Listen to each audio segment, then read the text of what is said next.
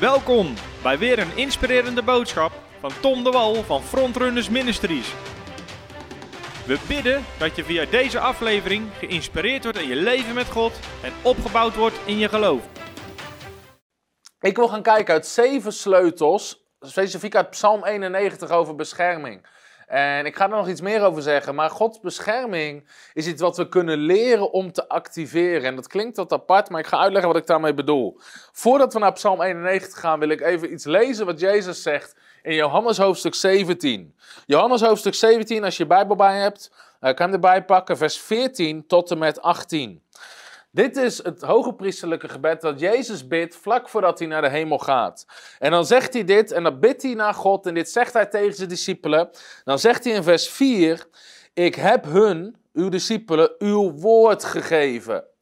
En de wereld heeft hen gehaat, omdat zij niet van de wereld zijn zoals ik niet van de wereld ben. Ik bid niet dat u hen uit de wereld wegneemt, maar dat u hen bewaart voor de boze. Zij zijn niet van de wereld zoals ik niet van de wereld ben. Heilig hen door uw waarheid. Uw woord is de waarheid. Zoals u mij in de wereld gezonden hebt, heb ik ook hen in de wereld gezonden. Ik bid niet dat u hen uit de wereld wegneemt, maar dat u hen bewaart voor de boze, zegt Jezus. Maar ze zijn niet van de wereld zoals ik niet van deze wereld ben. Nou, ik wil hier een paar fundamenten gaan bekijken voordat we dieper ingaan op wat zegt God nou bescherming en wat zijn sleutels om dat te activeren. Wat is het eerste wat Jezus hier zegt in dit stuk? Hij zegt, ik heb mijn volgeling, ik heb mijn discipelen uw woord gegeven. Uw woord gegeven. En dan gelijk achteraan zegt hij, uw woord is de waarheid. Uw woord is de waarheid. Dus wat Jezus ons heeft gegeven is het woord van God. Hij was zelf het woord van God in een lichaam. Alle woorden die hij gesproken heeft, de dingen die hij gedaan heeft, zijn opgeschreven. En Jezus heeft ons zijn woord nagelaten. En Jezus zegt, zijn woord is de waarheid. En ik wil dat dat het eerste is, met, als het gaat over dit soort thema's, over bescherming, wat je beetpakt. Het woord van God is de waarheid. En als het gaat om hoe bescherm jij jezelf tegen dit soort dingen, gaat het niet zozeer om wat het nieuws tegen je zegt, want dat hoeft niet te gelden voor jou. Het gaat erom wat God zegt. Wat zegt God? Want jij zegt wat God zegt. Het woord van God, dat is de waarheid. Dat is de waarheid. En daarom hebben we ook allemaal Bijbelteksten aan het eind. En ook in dat e-book die je gratis kan downloaden. Met wat God zegt over bescherming en genezing. En Femke zal later ook nog erbij komen zitten in de uitzending. Om daar wat over toe te lichten. Uh, wat ze op de hart heeft. Ook om die teksten verder te gaan toepassen in je leven. Nou, Jezus zegt ook in dit stuk: Ik heb hun uw woord gegeven. En de wereld heeft hen gehaat. Nou, als je gaat wandelen in de principes van God, ga je niet altijd met applaus ontvangen worden. Want de Bijbel zegt, voor de natuurlijke mens in 1 Korinthe 2 zijn de principes van God en zijn de dingen van de geest van God zijn dwaasheid. Zijn dwaasheid. Ze worden alleen begrepen door mensen die geestelijk zijn. En dus als je dit soort principes gaat toepassen, gaat niet iedereen je applaus geven. Daar moet je je van bewust zijn. Waarom? Het is wat God zegt en jij zou, de wereld heeft hen gehaat. De wereld heeft hen gehaat. En, uh, maar goed, daar ga ik nu niet al te diep op in, maar er staat in 1 Korinthe 2 vers 14. De natuurlijke mens neemt de dingen van de geest niet aan. Maar het is voor geestelijke mensen. Mensen die een geestelijke mindset hebben, die de geest van God hebben. Nou, dit is heel interessant. Wat zegt Jezus hier nog meer? Jezus zegt: Ik bid niet dat u hen uit de wereld wegneemt, maar dat u hen bewaart voor de boze. Nou, zodra er rampen gebeuren, zodra er ellende gebeurt op aarde, bidden heel veel christenen, of eigenlijk verlangen ze, waren we maar weg hier. Waren we maar niet meer op aarde. Waren we alvast maar in de hemel. Was Jezus maar al teruggekomen. En hoewel het verlangen om bij God te zijn niet verkeerd is, maar Jezus zegt: Ik bid dat u ze niet uit de wereld wegneemt. Dus Jezus zegt: Ik laat mijn gelovigen, mijn volgelingen, juist in deze wereld om het verschil te maken. En, en dus dat is een mindset die moeten hebben. Het gaat niet om weggaan uit deze wereld, het gaat om midden in deze wereld staan en een licht zijn voor Jezus. En Jezus zegt zelf in Matthäus 14 over zijn gelovigen: U bent het licht van de wereld, een stad op de berg uh, stad die op de berg ligt, kan niet verborgen zijn. Dus ons verlangen zou niet moeten zijn om uit deze wereld weg te gaan, maar juist om midden in deze wereld de heerlijkheid, de kracht en de glorie van God te laten zien. Ook van christenen. Want er zijn heel veel christenen die bang zijn voor het coronavirus wat langs gaat. En ze zitten in angst en ze kijken naar het nieuws. En ze hebben het over en zeggen, oh als ik het maar niet krijg. En oh wat gaat er gebeuren. En was ik maar weg uit deze wereld. Was Jezus maar al teruggekomen. Maar Jezus zegt, ik bid niet dat u weggaat. Uh, ik bid niet dat u hen wegneemt uit deze wereld, maar dat ze midden in deze wereld een licht zullen zijn. Weet je, hoe groter de duisternis, hoe groter het getuigenis van jouw leven. Daarom zegt Jezaja hoofdstuk 60, sta op en schitter. Sta op en schitter, want uw licht is gekomen. En de heerlijkheid van God gaat over u op. Want zie, duisternis zal de aarde bedekken. En donkere wolken de volken. Weet je, de Bijbel zegt heel duidelijk: duisternis zal op de aarde zijn. Maar over u zal de Heere opgaan. En de Heere zal over u gezien worden. Te midden van de duisternis, te midden van ellende, te midden van ziekte. Moet niet ons verlangen zijn om weg te gaan. Maar om hier te zijn en te zeggen: in deze situatie gaat de heerlijkheid van God over mijn leven gezien worden. Ik ben niet zoals de rest. Ik ben niet langer van de wereld. En dat is mijn vierde punt hierin: dat Jezus zegt. Uh, zij zijn niet langer van deze wereld, zoals ik niet van deze wereld ben. Maar zoals u mij deze wereld in hebt gezonden, zegt Jezus, zo zend ik hen, mijn discipelen, deze wereld in. Nog een keer, dat is trouwens vers 18. Johannes 17, vers 14 tot en met 18. Zoals u mij in deze wereld hebt gezonden, heb ik ook hen de wereld ingezonden. Zij zijn niet van deze wereld zoals ik niet van deze wereld ben. Dus Jezus zegt, ze zijn niet van deze wereld, maar ik zend ze hen, mijn gelovigen, mijn discipelen, deze wereld in zoals ik de wereld in gezonden ben. En dat is iets wat we mogen, waar we op mogen irriteren. We zijn niet langer van deze wereld. Waar we zeggen, we zijn een nieuwe schepping. En dat betekent zelfs dat er voor jou een andere realiteit kan gelden dan voor andere mensen geldt. Waarom? Jij bent een nieuwe schepping. Jij wandelt met God. En Jezus zegt, zoals ik de wereld ingezonden ben, zo zend ik mijn uh, gelovigen, uh, mijn discipelen. Nou, als je nagaat eventjes alvast een stap vooruit. Maar hoe was Jezus deze wereld ingezonden? Een van de dingen die Jezus deed, was hij genas zieken. En een van de ziektes die Jezus genas, was melaatsheid. Nou, melaatsheid was in die tijd een van de meest besmettelijke ziektes die er was. Melaatsheid kan al, weet je, die kan overgedragen worden met kuchen, met hoesten, met dat soort dingen. Bij melaatse mensen wilde niemand in de buurt komen. Melaatse mensen mochten niet onder de mensen komen. Maar de Bijbel zegt, Jezus, bijvoorbeeld in Marcus hoofdstuk, uh, Marcus hoofdstuk 1, een aantal verhalen, dat Jezus genas melaatse, hij raakte ze aan. Jezus raakte hem aan, zei, ik wil het, word rein. Nou, kreeg Jezus melaatsheid? Werd Jezus ziek? Nee. Jezus werd niet ziek, de melaatse werd gezond. Jezus werd niet onrein, de melaatse werd rein.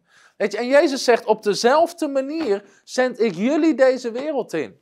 En een van de dingen die Jezus zegt tegen zijn discipelen, in Matthäus hoofdstuk 10, vers 8, is genees zieken, reinig melaatse. Reinig melaatse. Hij noemt dat specifiek. Genees zieken. Kijk, hier moet je even over nadenken. Waarom noemt Jezus apart nog een keer melaatsheid? Want melaatsheid is een ziekte. Maar je zegt genees zieken en reinig melaatse. In andere woorden, wees zelfs niet bang voor de besmettelijke ziektes. Want ik heb jou niet geroepen om daar ziek van te worden. Ik heb jou geroepen om ze te genezen. Ik heb jou niet geroepen om daar bang voor te zijn en te ontwijken. Ik heb jou geroepen om er naartoe te gaan en het op te lossen. Dat is wat Jezus zegt over zijn volgelingen. Als je dat gelooft, zeg je amen in de comments. Genees zieken en reinig melaatse. Oké. Dat even als inleiding. Wat ik nu wil behandelen zijn zeven sleutels uit Psalm 91. Zeven sleutels uit Psalm 91. En in de aanloop oh, uh, naar deze uitzending zijn er meerdere mensen, uh, ook die reageren al. Weet je, Gods bescherming is Psalm 91. En dat klopt. Psalm 91 is een schitterende psalm over de manier waarop God ons beschermt. Alleen wat wij mogen beseffen, als het gaat om Psalm 91, is dat Gods bescherming is niet automatisch. En daar begrijpen sommige mensen iets niet, want ze denken: God is soeverein, God bepaalt wat er gebeurt en wij hebben daar geen invloed op. En dat is niet waar. Wij hebben een hele grote invloed op wat er gebeurt op basis van of wij handelen naar het woord van God, of wij het woord van God geloven, of wij doen wat God zegt. Allerlei keuzes uit ons leven bepalen wat er gebeurt. En als je na gaat denken over dat soort verhalen, bijvoorbeeld de bloedvloeiende vrouw in Marcus hoofdstuk 5. Zij kozen voor om uit haar huis te gaan, door de menigte heen te gaan, Jezus aan te raken en te genezen. Nou, sommige mensen zeggen, God is soeverein, als God mij wil genezen, doet hij dat wel. Nou, als die bloedvloeiende vrouw zo had gedacht, zat ze nog steeds thuis en was ze nog steeds ziek in die tijd. Want het was niet zo, God wilde haar genezen, maar zij moest iets doen. Zij moest door de menigte heen. Zij moest haar geloof gebruiken. Zij moest Jezus aanraken. Dus er zijn stappen van onze kant die wij kunnen nemen. In Matthäus hoofdstuk 15, laat me even twee teksten lezen. Ik zit nu trouwens in Matthäus 9, blijf ik daar even. Daar zegt Jezus, um, in Matthäus 9 vers 29, tegen de blinden, daar zegt hij, hij raakte hun ogen aan en zei, het zal gaan naar uw geloof. Het zal gaan naar uw geloof. Dus die blinden kwamen naar hem toe, zij zetten de stappen en Jezus eert hun geloof. Nou, in Matthäus 15 lezen we zelfs een verhaal, en ik heb niet de tijd om daar nu diep op in te gaan. Ehm, dat is weer een andere preek, een preek op zich, maar het gaat over de Canaanese vrouw. En zij was geen Jood en ze wil iets ontvangen van Jezus, namelijk bevrijding voor haar dochter. En in het begin negeert Jezus haar. En dan legt Jezus ook uit, ik ben niet gekomen in eerste instantie om naar de heidenen te bedienen, nou goed, ik wil er nu niet te diep op ingaan. Maar Jezus probeert haar een paar keer weg te sturen. Die vrouw blijft aandringen. Maar als je zou zeggen, ja, God is soeverein. Als Jezus je wegstuurt, is het klaar. Maar nee, Jezus zegt uiteindelijk in vers 28. Jezus antwoordde en zei tegen, haar vrouw, tegen die vrouw: Groot is uw geloof. Het zal gebeuren zoals u wilt. Zoals u wilt. Dus blijkbaar had zij met haar geloof invloed op wat er gebeurde met, in het plan van God. En dat is iets wat wij mogen beseffen. Het gaat niet zomaar automatisch. En ook als het gaat over Psalm 91. Psalm 91 is Gods psalm over bescherming. Maar ik wil deze uitzending zeven sleutels halen uit Psalm 91. Waarin we op kunnen maken uh, hoe we Gods bescherming activeren. Want ook in Psalm 91 zien we heel duidelijk dat het niet automatisch gaat. Maar ik wil die sleutels eruit lichten voor je, zodat je ze kan toepassen in je leven. Dus je mag even Psalm 91 opzetten. Um, en dan gaan we die samen even lezen. Oké, Psalm 91, ik ga lezen vanaf vers 1. Wie in de schuilplaats van de Allerhoogste is gezeten, zal overnachten in de schaduw van de Almachtige. Ik zeg tegen de Heere, mijn toevlucht en mijn burcht, mijn God op wie ik vertrouw. Want hij zal u redden van de, schrik, van, van de strik van de vogelvanger en van de zeer verderfelijke pest, of ziekte, of plaag, of virus. Hij zal u beschutten met zijn vlerken. Onder zijn vleugels zult u de toevlucht nemen. Zijn trouw is een schild en een panzer. U zult niet vrezen voor het beangstigende van de nacht, voor de pijl die overdag aankomt vliegen, voor de pest die in het donker rondgaat, voor het verderf dat midden op de dag verwoest. Al vallen er duizend aan uw zijde en tienduizend aan uw rechterhand, bij u zal het onheil niet komen. Slechts met uw ogen zult u het aanschouwen. U zult de vergelding aan de goddelozen zien. Want u, heren, bent mijn toevlucht. De Allerhoogste hebt u tot woning gemaakt. Geen onheil zal u overkomen, geen plaag of ziekte of virus zal uw tent naderen. Want hij zal voor u zijn engelen bevel geven, dat zij u bewaren op al uw wegen. Zij zullen u op handen dragen, zodat u uw voet aan geen steen stoot.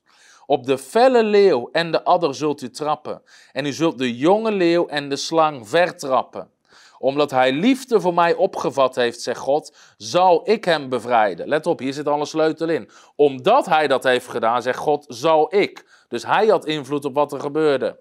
Ik zal hem in een veilige vestiging zetten. Vesting zetten, want hij kent mijn naam. Weer het woordje want. Hij zal mij aanroepen en ik zal hem verhoren. In de benauwdheid zal ik bij hem zijn. Ik zal hem eruit helpen en verheerlijken. Ik zal hem met lengte van dagen verzadigen. Ik zal hem mijn heil doen zien. Amen.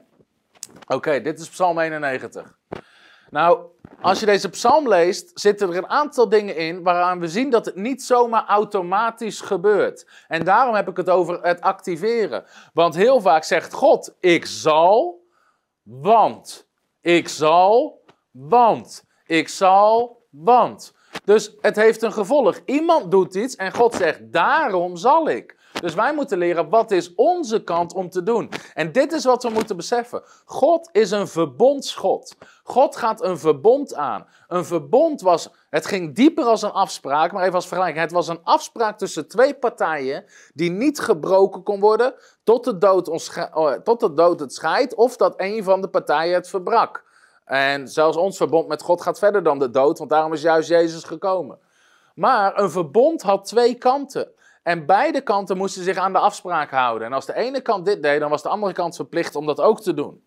Nou, zeven sleutels uit Psalm 91 voor bescherming. En nogmaals, als je de uitzending niet hebt gedeeld, kan je dat alsnog doen. Nummer 1, de eerste sleutel die we zien in Psalm 91 om de bescherming van God over je leven te activeren. Het allereerste wat er staat is wie in de schuilplaats van de Allerhoogste is gezeten. Wie in de schuilplaats van de Allerhoogste is gezeten, zal overnachten in de schaduw van de Almachtige. En vers 9, want u Heer bent mijn toevlucht, de Allerhoogste hebt u tot woning gemaakt. Dat is vers 9. Nou, even tot zover. Ten eerste, deze psalm geldt voor iedere gelovige. Sommige mensen zeggen, ja, het was een psalm van David of geldt alleen voor David. Nee, David zegt, wie in de schuilplaats van de Allerhoogste, maakt niet uit wie. Het is voor iedere gelovige. Maar het is voor mensen die in de schuilplaats van de Allerhoogste zijn gezeten en die de Allerhoogste tot woning hebben gemaakt. Dus de eerste sleutel is, je leeft in continue verbinding en relatie met God. Je leeft in continue verbinding en relatie met God. En het is geen ehm, wat ik hiermee bedoel, het is gewoon je levensstijl met God. Je leeft iedere dag met God. Je woont bij God. Je bent in de schaduw van de Allerhoogste. In zijn schuilplaats ben je gezeten. Wat ik hiermee bedoel is, je behandelt God niet als een soort ANWB-God.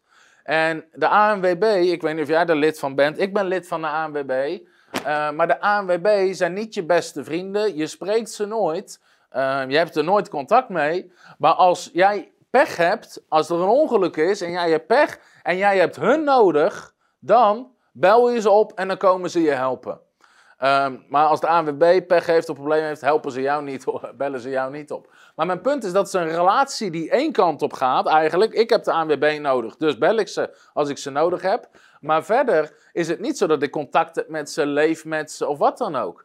En Psalm 91 maakt op dat deze psalm gaat over mensen die continu leven met God. Dus die God niet als een ANWB-God behandelen en één keer nooit iets, geen aandacht geven aan God, niet leven met God. Maar als ze God nodig hebben, in één keer zeggen: Oh Heer, ja, uh, nu gaat corona rond, ik heb bescherming nodig. Zo werkt het niet. Nou, als je God aanroept in je nood, zal die altijd komen. Want hij is een goede God, hij is een goede vader, hij wil mensen redden, hij wil mensen helpen. Begrijp me goed.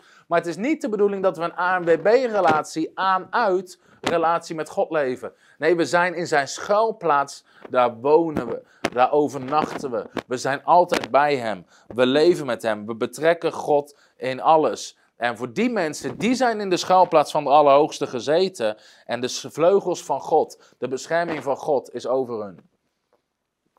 Dus dat is de eerste sleutel. En als je deze uitzending niet kijkt, en je, of als je, als, je, deze uitzending niet kijkt, dan heeft ook geen zin om iets tegen je te zeggen. Dat wil ik niet zeggen. Als je deze uitzending kijkt en je kent God niet, je kent Jezus niet, je hebt hem nooit redder, Heer van je leven gemaakt. Doe dit dan nu, op dit moment. Zeg gewoon, Heer, ik heb u nodig. Vergeef me zonde. Ik wil leven met u. En ik beloof je, God gaat in je leven komen. En weet je, God staat te popelen om samen met jou te leven.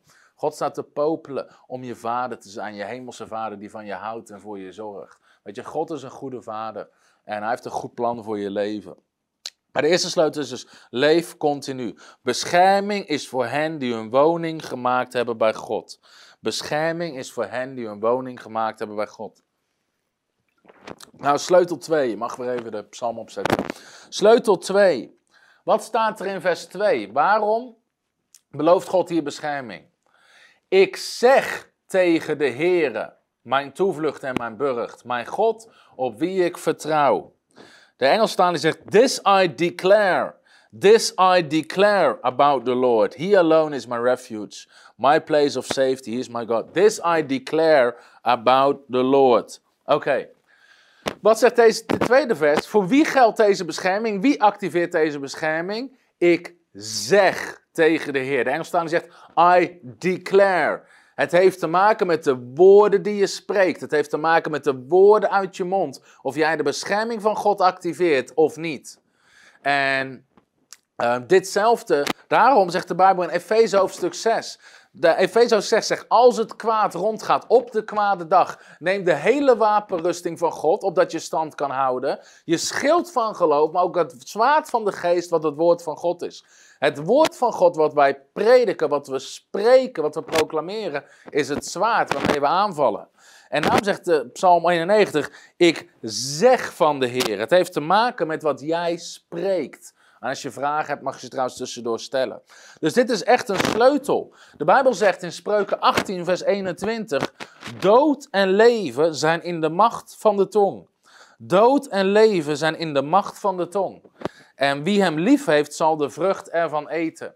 Dood en leven zijn in de macht van de tong. Dood en leven zijn in de macht van de tong. Dus waar heeft God macht gegeven in onze tong? Aan onze woorden. In Genesis hoofdstuk 1 maakt God de mens in zijn evenbeeld en zijn gelijkenis. En als we kijken naar hoe stuurt God, hoe regeert God, is het door te spreken. En daarom zegt de Bijbel, dood en leven is in de macht van de tong. Dus wij moeten begrijpen, de autoriteit die God heeft gegeven aan de woorden in onze mond. En als wij proclameren over ons leven, God is mijn beschermheer, God is mijn geneesheer, God is mijn schild, God beschermt mij, Hij houdt de plagen weg van mijn huis dan zijn we bescherming aan het activeren. We spreken het woord van God uit, wat een zwaard is in de geest en wat een aanval inzet tegen iedere macht van de duisternis. Maar het heeft te maken met de woorden van onze mond. En heel veel christenen, en hier komt de grote sleutel, dit is nog steeds sleutel 2, maar heel veel christenen laten angst toe in hun hart. Ze gaan zich zorgen maken. Dus we horen op het journaal over corona in China. Corona een land dichterbij. Corona een land dichterbij. Corona in Europa. Corona in Nederland. Corona in jouw stad. En ze maken zich zorgen en ze horen het op de radio. En zoveel duizend mensen hebben het. En ze, denken, en ze gaan zich denken, oh, oh, oh, en misschien krijg ik het ook, misschien krijg ik het ook, misschien krijg ik het ook. En ze zijn erover aan het nadenken. Waarom is zorgen maken zo gevaarlijk? Jezus legt het uit in Matthäus hoofdstuk 6. En um, Matthäus hoofdstuk 6, daar zegt Jezus, um, wees niet bezorgd over uw leven. Wees niet bezorgd over uw leven. En even kijken wat staat wat ik precies zoek. Uh. Ja, je mag hem, kan je hem op de camera hierboven zetten? Matthäus hoofdstuk 6, vers 31. Even kijken of ik hem hier goed erin kan krijgen. Ja, Matthäus hoofdstuk 6, hier zie je hem in vers 31, daar staat, wees daarom niet bezorgd. En wat staat daarachter? En zeg niet. En zeg niet. Wat zullen we eten? Wat zullen we drinken? Dus waarom zegt Jezus dat zorgen maken zo gevaarlijk is? Omdat je het gaat spreken. En als jij het gaat spreken, de Bijbel zegt dood en leven zit in de macht van de tong. Autoriteit zit in de woorden van je mond. En christenen zeggen, oh nee, coronavirus, Straks krijgt iemand uit mijn familie het. Straks krijgt iemand uit mijn straat het. Misschien heb ik die wel aangeraakt. Misschien had hij het wel. Misschien krijg ik het wel. En met de woorden uit hun mond, eigenlijk deactiveren ze de bescherming van God. Waarom? Hoe werkt Gods bescherming? Onder andere, dit is interessant, mag even Psalm 91 opzetten. In vers 11 staat, want hij zal voor u zijn engelen bevel geven, dat zij u bewaren op al uw wegen.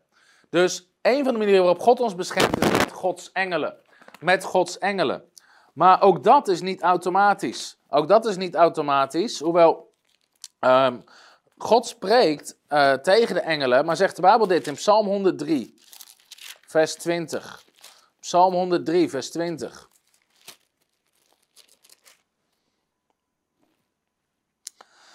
Uh, daar staat: Loof de Heere, u zijn engelen, sterke helden die luisteren naar de klank van zijn woord. Die luisteren naar de klank van zijn woord. Waar luisteren engelen naar? Naar de klank van het woord van God. En als jij het woord van God spreekt en engelen horen de klank van Gods woord, dan komen engelen in actie, dan beginnen engelen te werken. Maar als wij niet de klank van Gods woord spreken, als wij zorgen spreken, ongeloof spreken, angst spreken, weet je, dan eigenlijk door de woorden van onze mond blokkeren we de bescherming van God om te werken. We blokkeren de bescherming van God om te werken. Nou, dit is een hele belangrijke. Als wij niet beseffen hoeveel autoriteit God heeft gegeven aan de woorden van de mond, sterker nog, ik ga iets heel radicaals zeggen voor sommige mensen, maar het maakt niet uit wat God belooft in zijn woord. Want als jij het niet kan geloven en als jij het niet gaat spreken, gaat het niet gebeuren.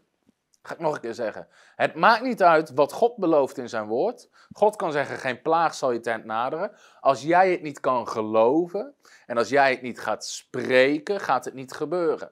En sommigen zeggen: ja, maar dat is radicaal en God is soeverein en God bepaalt wat er gebeurt. Nou, in Numeri lezen we dat God zegt tegen de Israëlieten in de woestijn: dat is het beloofde land wat ik je al gegeven heb. Ga het innemen. Dus wat Gods plan betreft, was dat hun land en dat is waar ze zouden moeten zijn. En dan sturen ze de twaalf verspieders eruit. En die gaan kijken in het land. Waarvan God had gezegd: je moet het innemen, het is voor jou.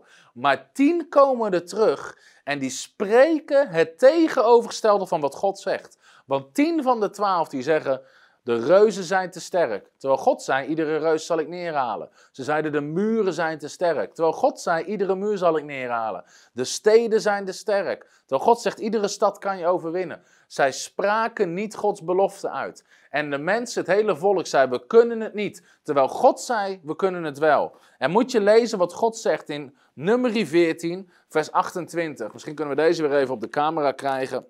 Uh, boven mij. Nummer 14, vers 28. Als je deze tekst leest, dan verandert dat je leven. Nummer 14, vers 28. Zeg tegen hen, zo waar ik leef, spreekt de Heere. Voorwaar, ik zal met u doen zoals u ten aanhoren van mij gesproken hebt. Niet zoals ik gesproken heb, zoals u ten aanhoren van mij gesproken hebt. Ik zal met u doen zoals u ten aanhoren van mij gesproken hebt. Dus de woorden uit onze mond, daar zit de kracht in. En wij bepalen of Gods woord tot uiting komt door de woorden uit onze mond. Daarom zegt Psalm 91, vers 2: Ik zeg van de Heer. Hij is mijn burcht. Hij is mijn beschermer. Hij is mijn genezer. Hij houdt iedere plaag weg. Weet je, op die manier spreken we, komen engelen in actie. En dan komen de, de beloftes van Gods woord in stand. Nou, de Romeinen 10, vers 8 staat dit. Romeinen 10, vers 8 tot en met 11. Maar wat zegt zij? Dicht bij u is het woord, in uw mond en in uw hart. Dus dit woord, Paulus zegt niet, dicht bij u is het woord, op uw nachtkastje, naast uw bed. Nee, dichtbij u is het woord, in uw mond en in uw hart. Dit is het woord van het geloof wat wij prediken. Als u met uw mond de Jezus beleidt en met uw hart het gelooft dat God hem uit de doden opgewekt heeft, zult u zalig worden. Dan zegt hij dit in vers 10. Want met het hart gelooft men tot gerechtigheid en met de mond beleidt men tot zaligheid. Men beleidt tot zaligheid.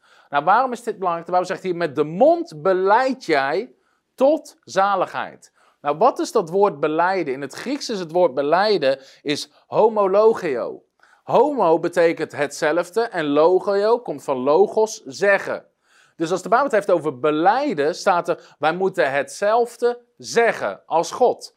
En dan zegt Paulus in Romeinen 10, met de mond beleid, met de mond zeg jij hetzelfde als God, tot zaligheid. Nou, het woord zaligheid betekent niet alleen redding naar de hemel gaan. Dat Griekse woord sozo, soteria, betekent ook beschermen, genezen, bevrijden. Dus Paulus zegt, met jouw mond beleid jij tot bescherming, tot genezing, tot redding, tot bevrijding, tot voorziening. Met jouw mond beleid je het. Met jouw mond creëer je het, want God heeft autoriteit gegeven aan de woorden in jouw mond.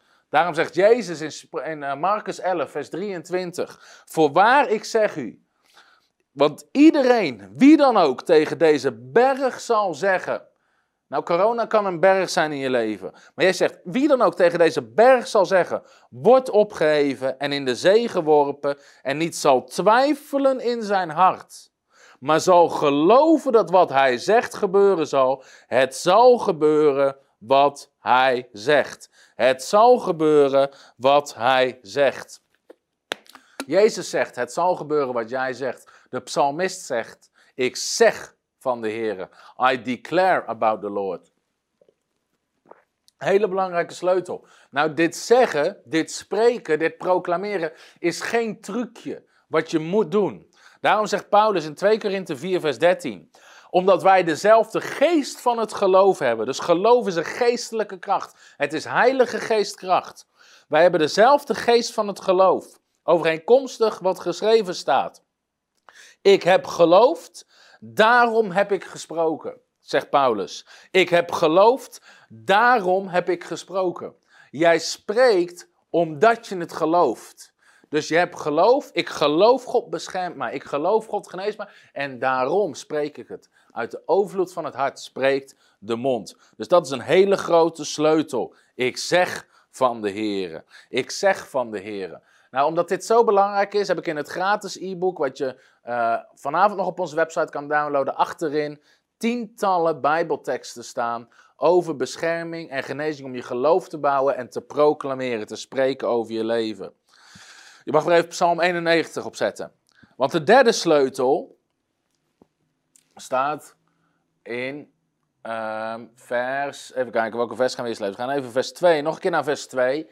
Ik zeg tegen de eeuwen gesloten en de kracht van het vuur geblust. Nou, dit is krachtig. Weet je, sommige christenen zijn in paniek voor een coronavirus of een coronavirus, maar dit spreekt over Daniel, die door het geloof de muilen van leeuwen liet sluiten. Door hun geloof deed een vurige oven ze niks. Kwam dat zomaar? Nee, door hun geloof. Jouw geloof heeft invloed op wat er gebeurt. Gebruik je geloof. Daarom zegt de Bijbel in Efeze hoofdstuk 6, als het gaat om de geestelijke wapenrusting, het schild van geloof waarmee we iedere vurige pijl van de duivel blussen. Jouw geloof werkt als een schild wat je beschermt. Je gebruikt je geloof niet alleen om beloftes te ontvangen van God, je gebruikt je geloof als een schild om de beloftes van de duivel van je leven weg te houden. Jouw geloof werkt als een schild. Dus ga je geloof gebruiken. Efeze hoofdstuk 6. Dus mensen zeggen, ja, maar dit kan toch niet aan geloof liggen? Efeze 6. Het schild van het geloof. Dat betekent als jij je geloof niet gebruikt, dat je geen schild hebt en dat je kwetsbaar bent en geraakt kan worden. Als je tot nu toe al opgebouwd bent, zeg amen, prijs de Heer. En als je nog vragen hebt, stel ze in de uh, comments. Ik zie al een vraag, ja, deze uitzending kan je terugkijken op YouTube. Um, we zetten hem er als het goed is vanavond of morgen zetten we hem erop. Dus het heeft te maken met ons geloof. Kijk, dit is interessant op Psalm 91. God zegt heel vaak zal wat hij zal doen. Hij zegt onder andere: Hij zal u redden van de strik van de vogelvanger. Hij zal u redden van de zeer verderfelijke pest. Hij zal u beschutten met zijn verlerken. Onder uw vlogers zult u de toevlucht nemen. Bij u zal het onheil niet komen. Geen onheil zal u overkomen. Nog een keer: Geen plaag zal uw tent naderen.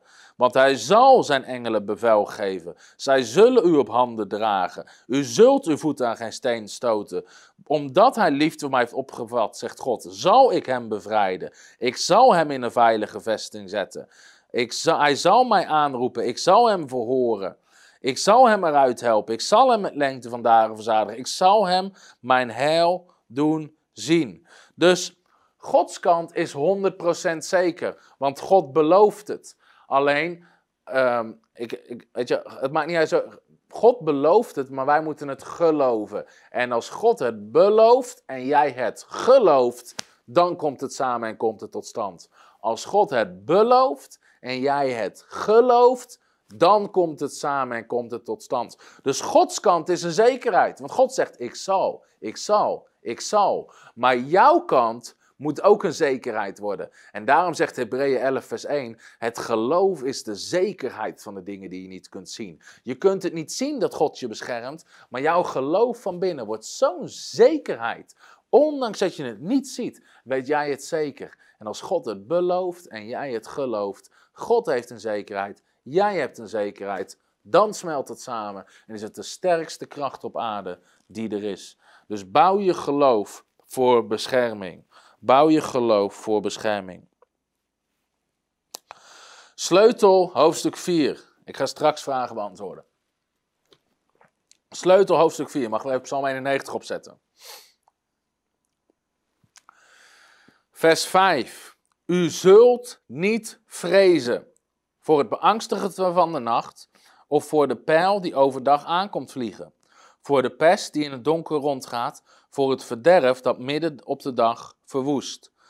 U zult niet vrezen voor de beangstiging van de nacht. U zult niet vrezen voor de pijl die overdag aankomt vliegen. U zult niet vrezen voor de pest die in donker rondgaat. U zult niet vrezen voor het verderf dat midden op de dag uh, verwoest. Oké, tot zover. Nou, God heeft heel vaak gezegd: Ik zal, ik zal, ik zal, ik zal. Maar nu zegt God iets over ons. U zult. Dus God zegt niet: Ik ga dat doen voor jou. Nee, hij zegt: U zult. En wat moet jij niet doen? U zult niet vrezen. U zult niet vrezen. Dus jij moet een keus gaan maken. Ik zal niet vrezen. Ik zal geen angst toelaten. En uh, dat is iets wat we moeten leren, maar wel wat heel belangrijk is. Want dit zien we zelfs in het verhaal van de bloedvloeiende vrouw. Wat Jezus eigenlijk aan het doen was in dat verhaal, was op weg naar het huis van Jairus. Zijn dochtertje was overleden, of bijna overleden, lag op sterven. Jezus zei, ik zal meekomen, ik zal er genezen. En dan ondertussen, terwijl ze onderweg zijn, uh, raakt die bloedvloeiende vrouw Jezus aan. Die geneest, Jezus stopt, hij vraagt wie heeft me aangeraakt. De discipelen zeggen, iedereen raakt u aan. Dan zegt Jezus, nee, iemand heeft me aangeraakt. Dan komt die bloedvloeiende vrouw, die vertelt haar hele verhaal. Dus ondertussen stonden ze al een hele tijd stil dat dat gebeurde. En ze aan het discussiëren waren, aan praten waren. En je Iris moet gedacht hebben, Jezus schiet op, Jezus schiet op, Jezus schiet op. Mijn dochtertje overlijdt. En terwijl dat gebeurt, terwijl die bloedvloeiende vrouw aan het praten is, komen de uh, dienstknechten van Jairus en die vertellen hem, uh, het is te laat, val de meester niet langer lastig, uh, je dochtertje is al overleden. Nou, het meest verschrikkelijke nieuws wat Jairus kan horen, is je dochtertje is al overleden. En uh, je moet eens nagaan, wat ging er op dit moment door Jairus' hoofd heen? Alle angst. Ik denk de grond stortte onder zijn voeten vandaan. Zijn eigen kind overleden.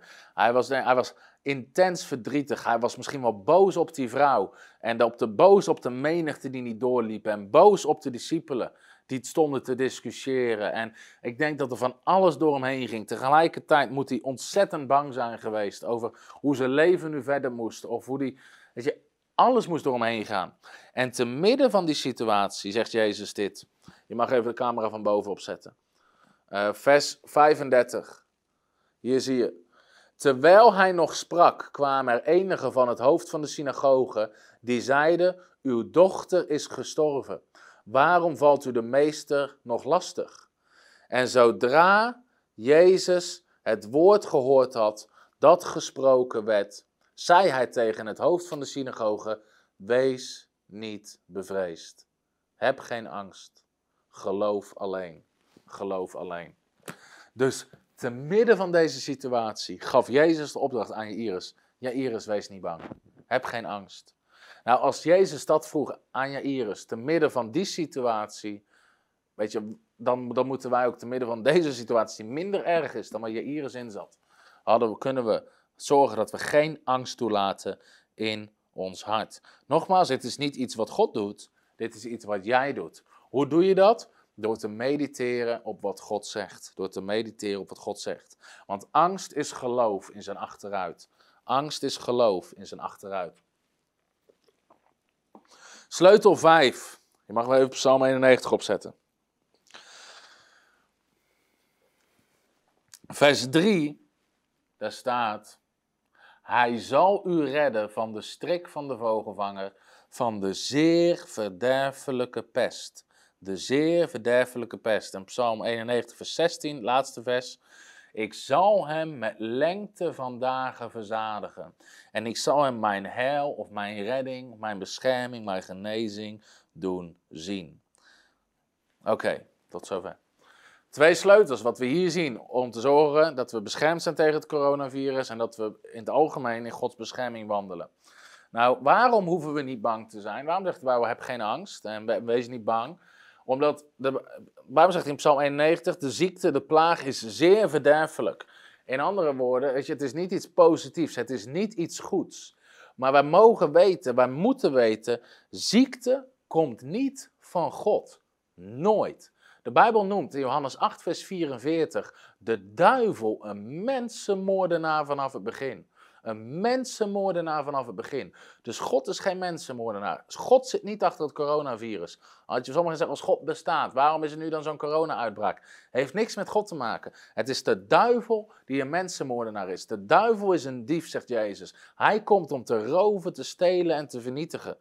En de zegt in Handelingen 10, vers 38 dat alle ziekte komt van de duivel. Jezus genas allen die van de duivel overweldigd waren. Dus wij mogen weten, deze ziekte is afkomstig van de duivel, komt uit de hel om mensen kapot te maken. Maar waarom is dat goed nieuws? Omdat jij autoriteit hebt gekregen over de duivel. God is een goede God en jij hebt autoriteit gekregen. En God zegt, Gods wil is het tegenovergestelde. Want God zegt, ik wil dat je leeft, dat je lang leeft in vers 16. Mag je nog even opzetten? Ik wil dat je leeft, dat je lang leeft.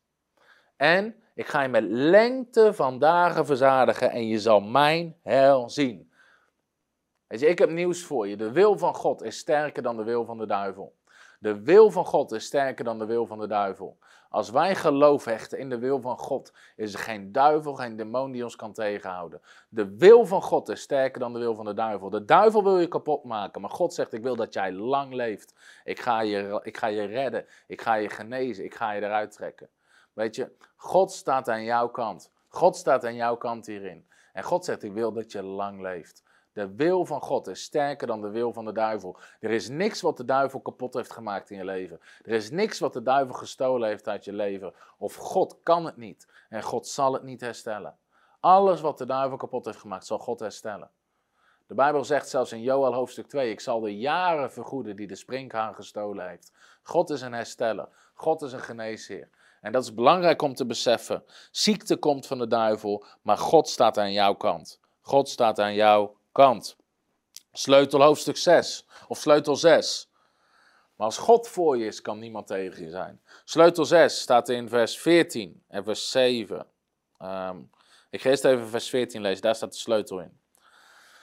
Hoe werkt de bescherming? Nogmaals, de bescherming van God werkt niet automatisch. Je mag me even op laten staan, Psalm 31. Ja. Hoe werkt de bescherming? Waarom? Omdat hij liefde voor mij heeft opgevat, zegt God, zal ik hem bevrijden. Zegt God gewoon, ik ga hem bevrijden? Nee, waarom? Omdat hij liefde voor mij heeft opgevat, zegt God, zal ik hem bevrijden. Ik zal hem in een veilige vesting zetten. En hier komt hij. Want hij kent mijn naam. Want hij kent mijn naam. En dan vers 7. Uh, even zoeken. Al vallen er duizend aan uw zijde en tienduizend aan uw rechterzijde, bij u zal het onheil niet komen. Bij u zal het onheil niet komen. Oké, tot zover. De sleutel is hier, God zegt, hij kent mijn naam. De sleutel gaat hier om jouw identiteit. De naam, jou, de naam van God koppelt God aan jou. God zegt, hij kent mijn naam. Ik ben zijn God. In andere woorden, hij weet wie die is. Hij weet wie zijn verbondspartner is. En sleutel 6 is, ken je identiteit in Christus.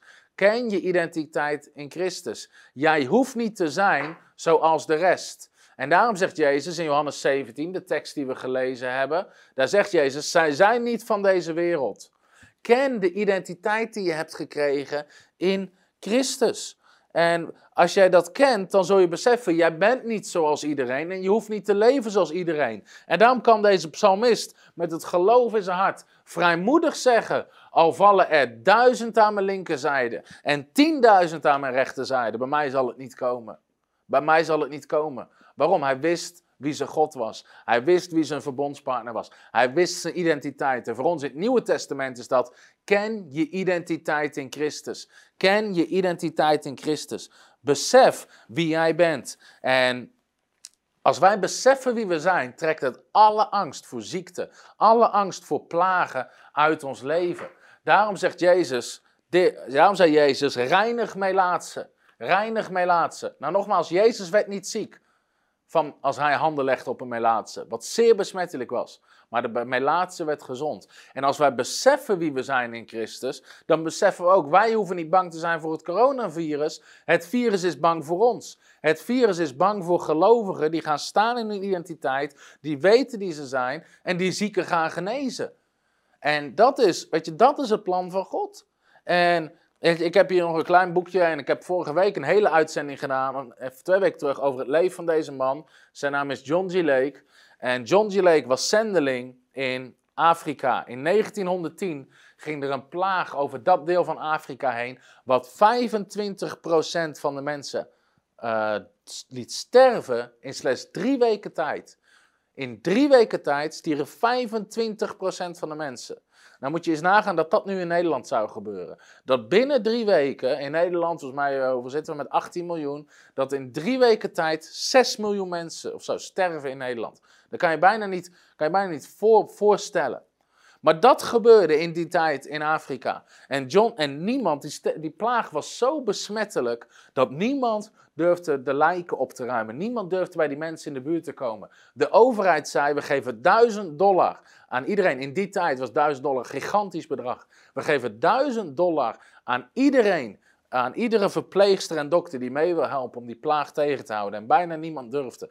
Maar John G. Lake met zijn team als zendeling daar. Zij gingen onbeschermd, zonder bescherming, zonder pakken, zonder medicijnen. Begonnen ze mee te helpen als vrijwilligers om lijken op te ruimen. Uh, en dat soort dingen. Dus zij, tilden de lijken uit de huizen, ze begroeven ze. Heel de dag kwamen ze in aanraking met mensen, met lichamen die vol waren met dat virus. En de artsen snapten er niks van. En een van die artsen zegt tegen John G. Lake: Hoe kan het dat jij niet besmet raakt? Hoe kan het dat jij niet sterft? En John G. Lake, die wist wie die was. Hij zei: Weet je, pak wat van dat virus, van een gestorven iemand af. Bekijk het onder de microscoop. En ze bekeken het onder de microscoop en ze zagen het virus leven. Ze zagen het bewegen. Het was, weet je, onder de bioscoop konden ze al die, onder de microscoop konden ze al die ziektekiemen zien. Hij zei, pak dat virus en leg het op mijn hand. En ze legden het op zijn hand. Hij zei, bekijk het nu weer onder de microscoop. En ze legden het opnieuw onder de microscoop en ze keken en het was helemaal dood. Het virus was gestorven. John G. Lake was niet ziek geworden, het virus was gestorven. En ze zeiden tegen hem, hoe kan dat? Hoe kan dat? Vertel ons het, je geheim. En John G. Lake zei, het is Christus die in mij woont. En het is de kracht van de geest van God die op me is. Het is de geest van God die op me is. Hij wist wie die was in Christus. Hij beseft, de heilige geest van God zelf woont in me. En geen virus kan me aanraken. En in plaats van dat hij stierf aan het virus, stierf het virus aan hem. Want hij wist wie die was in Christus. Hij had een enorme autoriteit. En dat zijn, dat zijn de getuigenissen. John G. Lake stierf niet aan het virus, het, het, het virus stierf aan hem. En dit is iets wat wij mogen weten. De Bijbel zegt, al vallen er duizend aan je linkerhand en tienduizend aan je rechterhand, bij jou zal het niet komen. Dat zal je beleidenis zijn. Al vallen er duizend links en tienduizend rechts, bij mij zal het niet komen. Mijn huis zal het niet naderen. Er is kracht van God op mijn leven. De geest van God is op mijn leven. Er is bescherming van God. En God beschermt zijn volk. God beschermt zijn volk. Kijk maar naar toen de plagen over Egypte kwamen. Toen zegt de Bijbel in 8, Exodus 8, vers 22. Maar op die dag zal ik de landstreek Gozen, waar mijn volk woont, afzonderen. En daar zullen geen steekvliegen zijn. Opdat u zult weten dat ik de Heere ben. En Exodus 9, vers 26. Alleen in de landstreek Gozen, waar de Israëlieten woonden, viel er geen hagel. God kan zelfs bepaalde gebieden vrijwaren, waar zijn volk woont, wat in geloof staat. Exodus 11, vers 7. Maar bij alle Israëlieten zal nog geen hond zijn tong roeren tegen mens of dier. Zo zult u weten dat de Heere onderscheid maakt tussen de Egyptenaren en de Israëlieten. En dan Exodus 12, vers 13. Het bloed zal u tot teken zijn aan de huizen waarin u verblijft. Als ik het bloed zie, zal ik voorbij gaan. En er zal geen plaag onder u zijn die verderf teweeg brengt. Er zal geen plaag onder u zijn die verderf, teweeg brengt.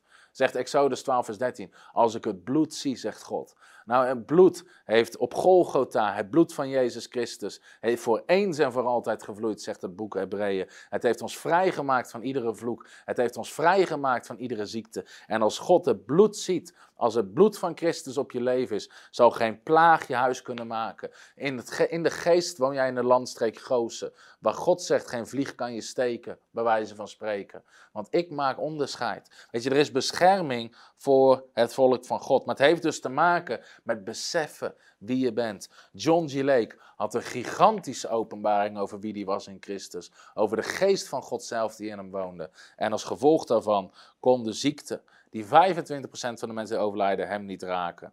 En de laatste sleutel mag weer even Psalm 91, mag je even opzetten. De laatste sleutel uit Psalm 91, Psalm 91, vers 13. Op de felle leeuw en de adder zult u trappen. U zult de jonge leeuw en de slang vertrappen. Oké, even tot zover. Nou, dit spreekt over. Niet God gaat dit doen, jij gaat dit doen. Zet hem nog een keer op. Psalm 91, uh, vers uh, eh, 13. Vers 13. Op de felle leeuw en de adder, er staat niet zal God trappen. Er staat niet dat God dat doet. Dat doe jij. Op de felle leeuw en de adder zult u trappen. Dus waar heeft dit mee te maken? Dit heeft te maken met je autoriteit kennen. Jouw autoriteit kennen. Jezus zegt namelijk hetzelfde in Lucas 10, vers 19. Jezus zegt: Ik geef u de macht om op slangen en schorpioenen te trappen. En de macht over alle kracht van de vijand. En niets zal u schade toebrengen. Je mag even de camera van bovenaf. En niets zal u schade toebrengen. Niets zal u schade toebrengen. Terwijl jij autoriteit neemt over de werken van de duisternis, zegt God: niets zal jou schade toebrengen. Niets zal jou schade toebrengen. En dit is dus weten je autoriteit. Niet alleen je identiteit, je autoriteit. Jij hebt autoriteit daarover gekregen. Jezus zei, en dit vond ik zo mooi, afgelopen week heb ik hier veel over na zitten denken. Met, uh, met het virus en alles wat er aan de hand was. Want vaak spreken we over Marcus hoofdstuk 16. En de tekenen die de gelovigen zullen volgen. En een van die tekenen in vers 17 staat: In mijn naam zullen ze demonen uitdrijven. In mijn naam zullen ze in vreemde talen, in tongentaal spreken. Maar dan staat er ook dit in vers 18. Eh, kunnen we even de camera van boven pakken. Slangen zullen zij oppakken. En als zij iets dodelijks zullen drinken, zal het hem beslist niet schaden. En dan op zieken zullen zij de handen leggen en ze zullen gezond worden. Maar slangen zullen zij oppakken, giftige slangen. En als zij iets dodelijks zullen drinken, zal het hem beslist niet schaden.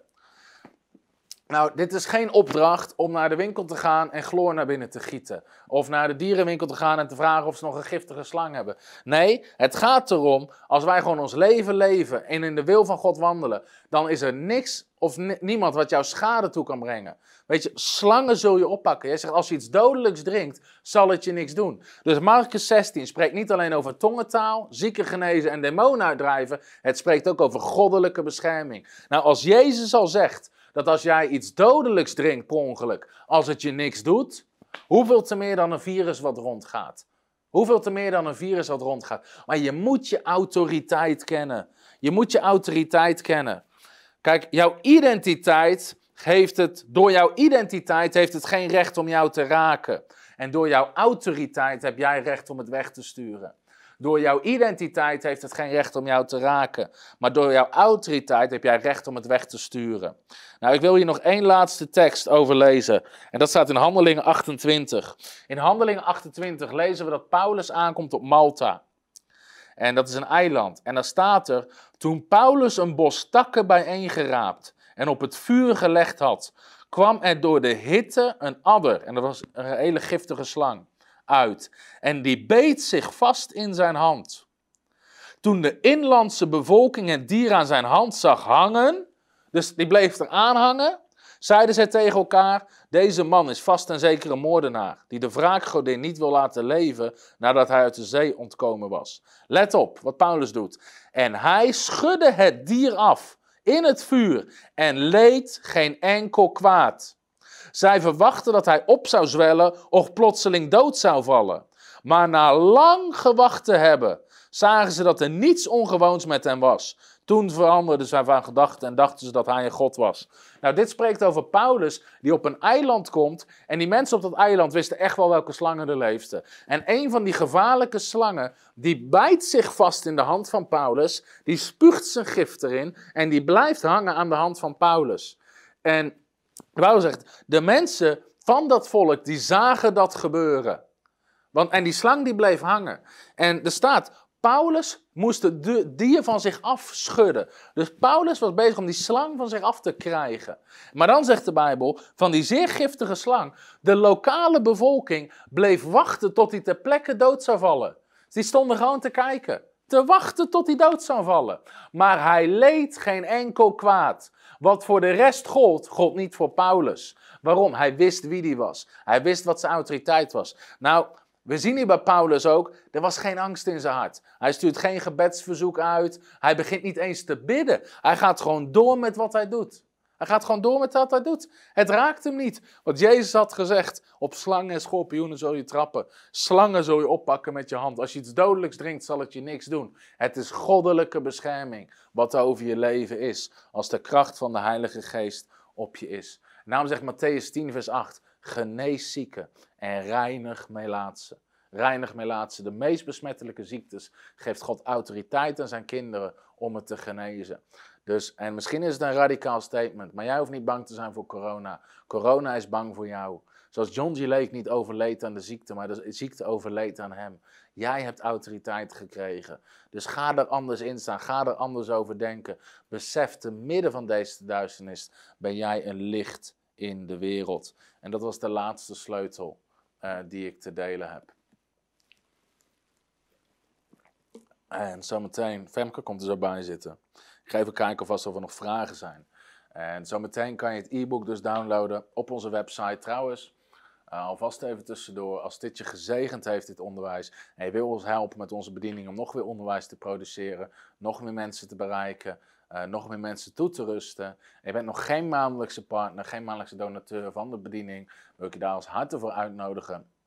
En dat je partnerschap is samenwerken om het koninkrijk van God te bouwen. Misschien kan je helpen met 10, 15, 20, 25 euro in de maand. Maar wij helpen ook al onze partners. Alle boeken die ik schrijf, krijg je gratis thuis gestuurd. Binnenkort komt een boek uit over genezing. En uh, ik weet ook zeker dat dat heel veel mensen gaat helpen. Ik ga even kijken, ja. Mijn vrouw Femke komt erbij zitten om te delen wat zij op haar hart heeft over dit onderwerp. Hoi Fem. Hallo.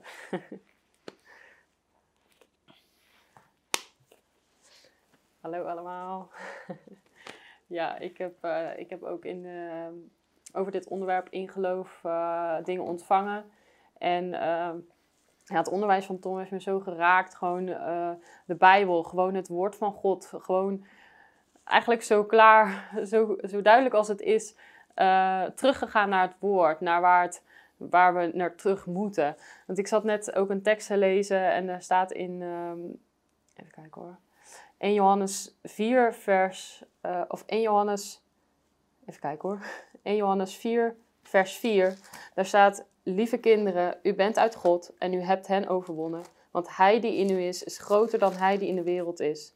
Zij zijn uit de wereld, daarom spreken zij uit de wereld. Dus dat is ook het nieuws enzovoort. En de wereld luistert naar hen. Dus dat is de stem die de wereld heeft. Mensen kijken van wat moeten we doen en ze kijken naar het nieuws. En wij hebben ook hier Voice of Faith om het geloof te brengen daar waar jij bent.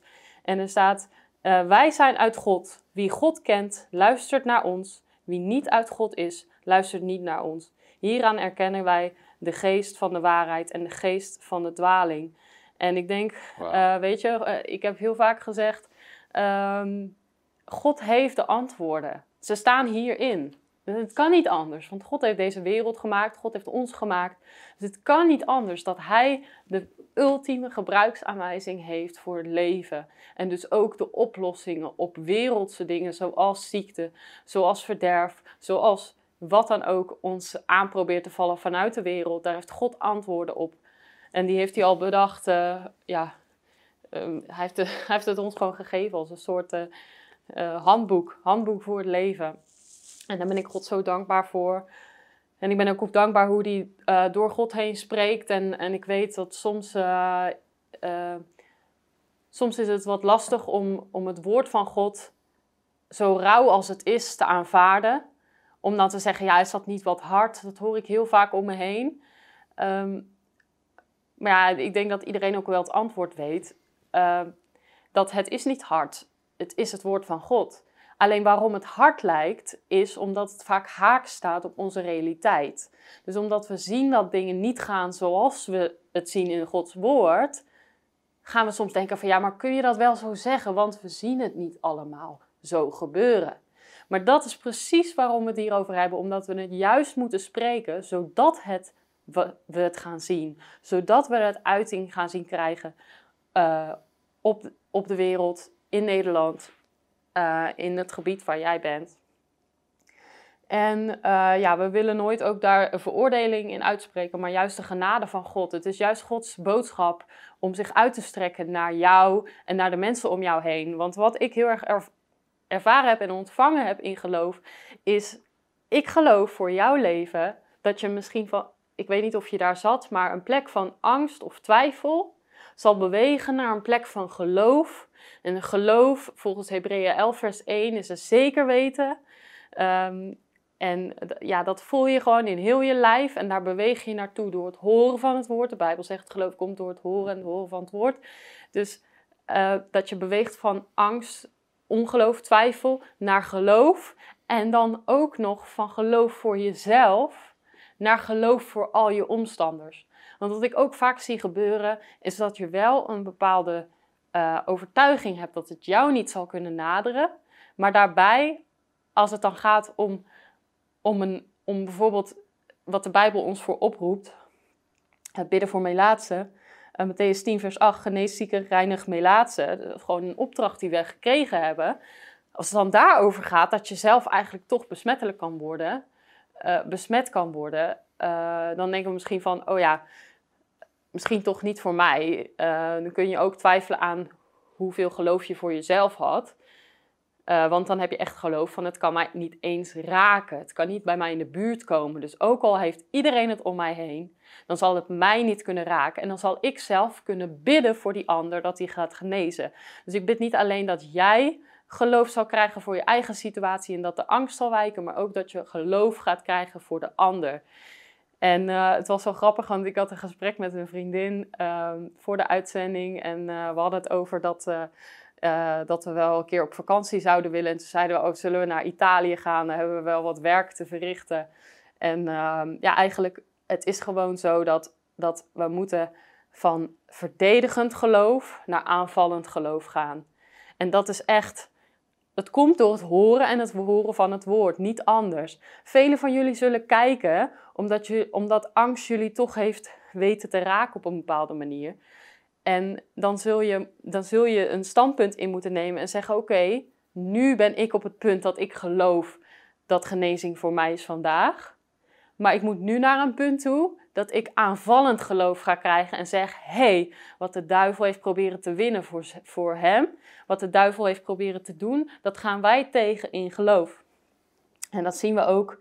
Uh, even kijken hoor, ik heb wat teksten opgeschreven. 1 Petrus 5, vers 8. Wees nuchter en waakzaam, want uw tegenpartij, de duivel, gaat rond als een brullende leeuw, op zoek naar wie hij zou kunnen verslinden. En het grappige is van die tekst die wilde ik eventjes delen met jullie, is dat hij gevolgd wordt door vers 9. Maar ik zal beginnen 1 Petrus 5 vers 8, die ik net heb gelezen. Wees nuchter en waakzaam, want uw tegenpartij, de duivel, gaat rond als brullende leeuw op zoek naar wie hij zou kunnen verslinden. Dus dat staat, oké, jij moet nuchter en waakzaam zijn. Nou, de meeste Nederlanders lukt dat best wel. Ik heb veel Nederlands gehoord en zelfs ongelovigen die zeggen: Oh joh, dat virus dat komt niet dicht bij mij. Maar dat is eigenlijk, het is nergens op gebaseerd. Het is gewoon een soort halve hoop of het is een soort verwachting van: Oh joh, het is helemaal niet zo erg. Maar ja, al was het wel erg, al was het, uh, al was het de ergste ziekte die rondging. Het gaat er niet om dat je nuchter en er staat hier wel wees nuchter en waakzaam. Dus ja, Nederlanders, eh, heel goed, we, we, zijn goed op weg. Um, maar er staat in vers 9: bied weerstand aan hem vast in het geloof, in de wetenschap dat hetzelfde lijden ook aan al uw broeders in de wereld opgelegd wordt. Maar bied weerstand aan hem, vast in het geloof. En dat is belangrijk omdat ehm, we hebben gezegd, uh, we kunnen nuchter en waakzaam zijn. En dat is eigenlijk voor onszelf. Oh, we zijn nuchter en waakzaam, want er, gebeurt heel veel in de wereld. Maar dan staat er, bied weerstand. Dat is een actief iets. En daar hebben we het ook over gehad van wij moeten iets gaan doen. En dat is weerstand bieden aan de duivel. En dan hebben we dus geloof voor jezelf, geloof voor anderen. En uh, uiteindelijk geloof ik dus dat wij echt als een volk op zullen staan om niet alleen maar voor onszelf hoop te hebben, maar ook voor anderen.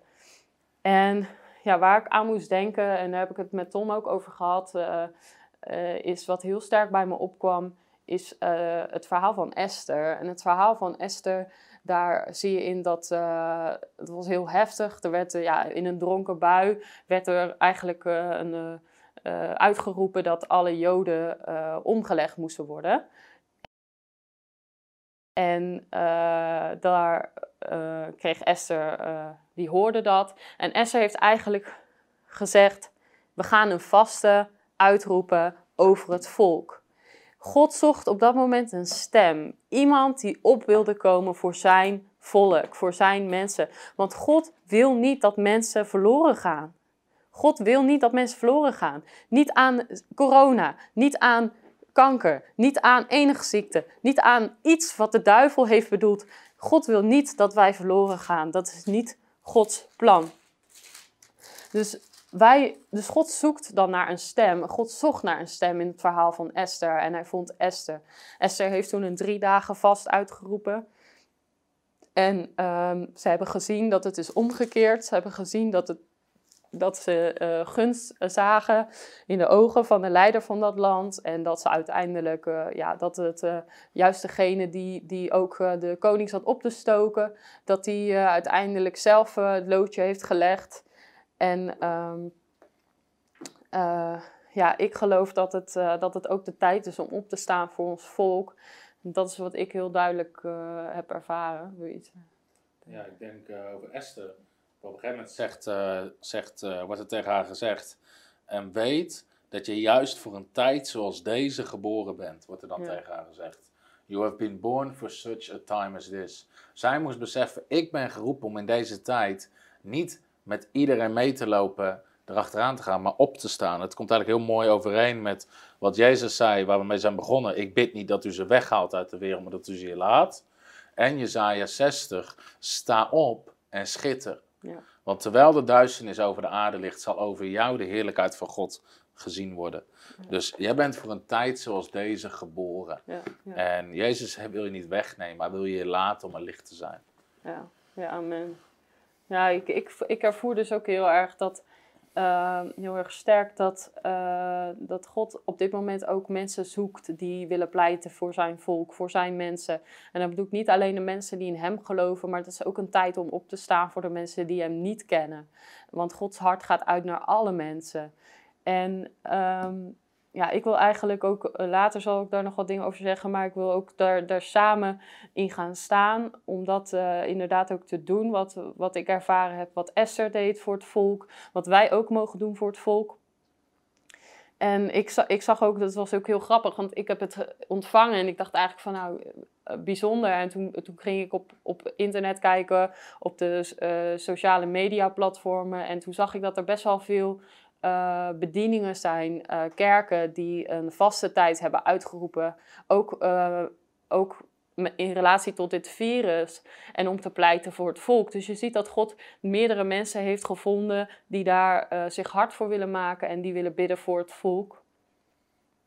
En um, iets wat bij me terugkwam ook is, we, we moeten in deze tijd ook sterker worden. En dus in deze tijd we doen nu natuurlijk een extra uitzending, ook met de titel van eh, hoe moet je je sterk maken in het coronavirus of eh, terwijl dat rondgaat.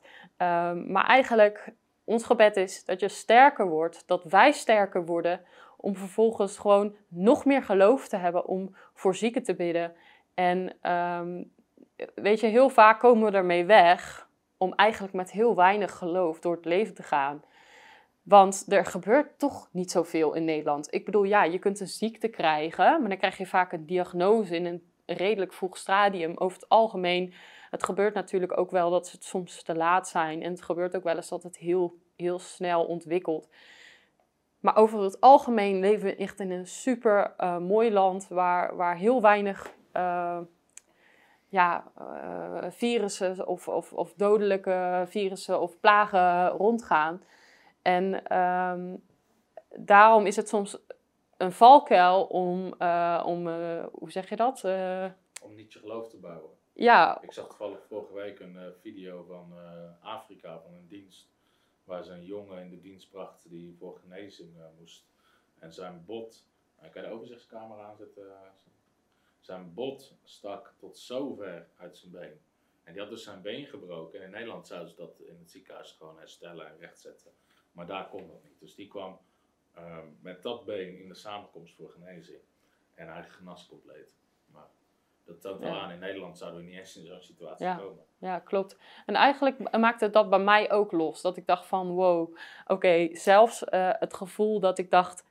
Uh, op een gegeven moment kwamen er gedachten bij mij van... ja, oh ja, die, die kan misschien met dat virus in aanraking zijn geweest. Dat had ik dan via via gehoord. En dan dacht ik van, ja, maar als die nou bij mij naar de buurt komt... en ik, uh, ik ga dan naar oudere mensen toe... ja, dan kan ik wel geloof hebben voor mezelf. Maar wat nou als zij dan geen geloof hebben? Maar ja, toen zei Tom... Toen had ik dat toevallig gedeeld. Toen zei Tom van, ja toen, nou, toen kwamen we in ieder geval op het punt dat ik dacht van... wow, hoe snel mijn gedachten... dat was echt in een paar minuten gebeurd... hoe snel mijn gedachten iets voorschreven bij mij... wat gewoon compleet uh, niet in lijn was met het woord van God. En het is gewoon belangrijk dat we echt... Um, wat de Bijbel zegt, ons klaarmaken in de strijd. Dat we, uh, dat we ons harnas uh, omhoog houden, ons schild omhoog houden in geloof. En de uh, vurige pijlen van de duis, duisternis weren, afweren. En um, ja, wat bijvoorbeeld ook bij mij terugkwam, is we moeten vaker naar Gods woord luisteren dan naar nieuws als jij voor jezelf merkt dat je vaker eigenlijk in contact komt met je collega's die het erover hebben, het nieuws hoort, uh, op de radio, uh, waar je het ook ziet of hoort of in de krant. Als je dat vaker ziet dan het woord van God, dan is de kans heel groot dat je meer geloof gaat hebben in de feiten en wat, er, wat ze vertellen wat er gaat gebeuren, dan wat, je, uh, dan wat, um, dan wat Gods woord zegt. En uh, daarin wil ik jullie ook aanmoedigen uh, om, en dat is best wel radicaal, maar 40 dagen lang uh, twee teksten per dag te gaan lezen. En Tom die heeft hem in het boek uitgewerkt. hij heeft niet 40 teksten, hij heeft meer dan 80 teksten. Dus twee teksten per dag. Um, wil ik in ieder geval 40 dagen gaan, gaan lezen, ochtends en s avonds. En ik geloof dat, dat, uh, dat we dat kunnen gaan lezen en kunnen gaan proclameren. En dat, het, uh, dat we voor ons volk mogen gaan pleiten. En dat heb, haal ik ook uit Jozua 1 vers 8. Dit boek met de deze wet mag niet wijken uit uw mond. Maar u moet er dag en nacht overdenken. Zodat u nauwlettend zult handelen overeenkomstig alles wat daarin geschreven staat. Dan immers zult u uw wegen voorspoedig maken en zult, dan zult u verstandig handelen. Dus we spreken, het mag niet wijken uit uw mond en we moeten het dag en nacht overdenken. En het gevolg is dat we verstandig zullen handelen. Dus dat we altijd klaarstaan in de strijd. En dan bidden we ook voor onszelf, maar ook voor de mensen die ons lief zijn. En uh, ja, tot slot zou ik eigenlijk willen zeggen Um, over wil ik jullie nog bemoedigen, degene die al merken dat ze regelmatig worden aangevallen op hun geloof. Uh, want ik kan wel zeggen, ik heb de afgelopen weken ook.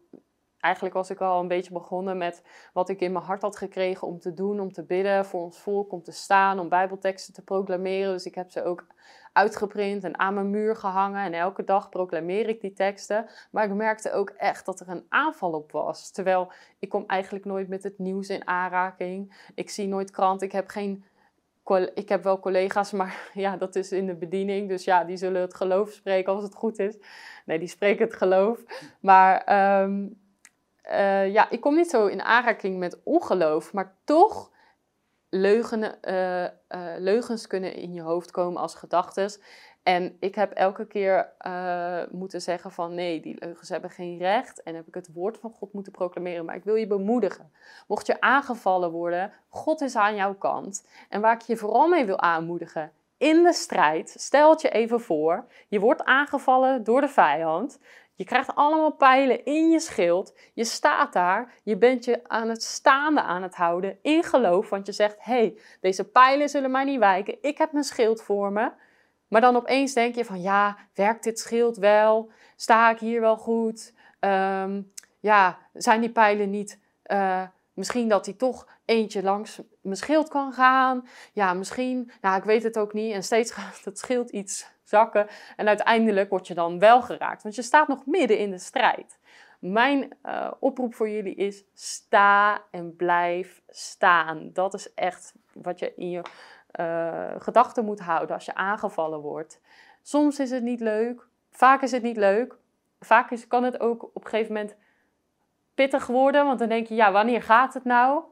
Maar dat is niet wat de Bijbel ons belooft. De Bijbel belooft ons niet dat het, dat het uh, allemaal heel makkelijk gaat zijn en dat je gewoon. De Bijbel die zegt zelfs, Efeze 6, vers 13, als je alles dan gedaan hebt om te staan, sta dan. Blijf staan. Geef niet op in de strijd. God is aan jouw kant. En uh, we hebben net gelezen, lieve kinderen, u bent uit God en u hebt hen overwonnen. Want hij die in u is, is groter dan hij die in de wereld is. En dat is gewoon ja, een belangrijke tekst om, om, om te onthouden. Weet je, jij staat in de strijd, maar je hebt eigenlijk ook al gewonnen. Want hij die in jou is, is groter dan hij die in de wereld is. Dus het is gewoon een soort van je, je, gaat een strijd in. Vroeger was het, als het een gevecht was, dan was het nog de vraag wie er ging winnen. Bij ons is het niet de vraag wie er gaat winnen. God wint. Altijd. God staat aan onze kant. Ja, en um, die, wat ik net zei over die gedachtes, dat staat in 2 Korinthe 10, vers 5. Want wij breken valse redeneringen af en elke hoogte die zich verheft tegen de kennis van God. Dus alles wat niet in lijn is met het woord van God, dat breken wij af. Dus wij hebben daar ook weer uh, uh, iets in te doen. En wij nemen elke gedachte gevangen om die te brengen tot een gehoorzaamheid aan Christus. En dat mogen we actief gaan doen de komende tijd. En ik wil je aanmoedigen en oproepen om met me mee te doen deze 40 dagen, s ochtends en s avonds, een Bijbeltekst te, over, uh, te bekijken en te proclameren. Laat het niet wijken in je mond, uit je mond, zoals het Bijbel zegt. En dat we het voor onze ogen houden. En dan zullen we gaan zien dat wij sterk staan in de strijd. En dan zullen ook de uitkomst van de strijd zien. En dat is God wint altijd. Uh, ik heb hier een. Uh, hier zie je een boek. Kan een close-up hebben? Hier, uh, hier zie je het boekje. Dus deze kan je gewoon downloaden. Vanaf nu staat hij op onze website.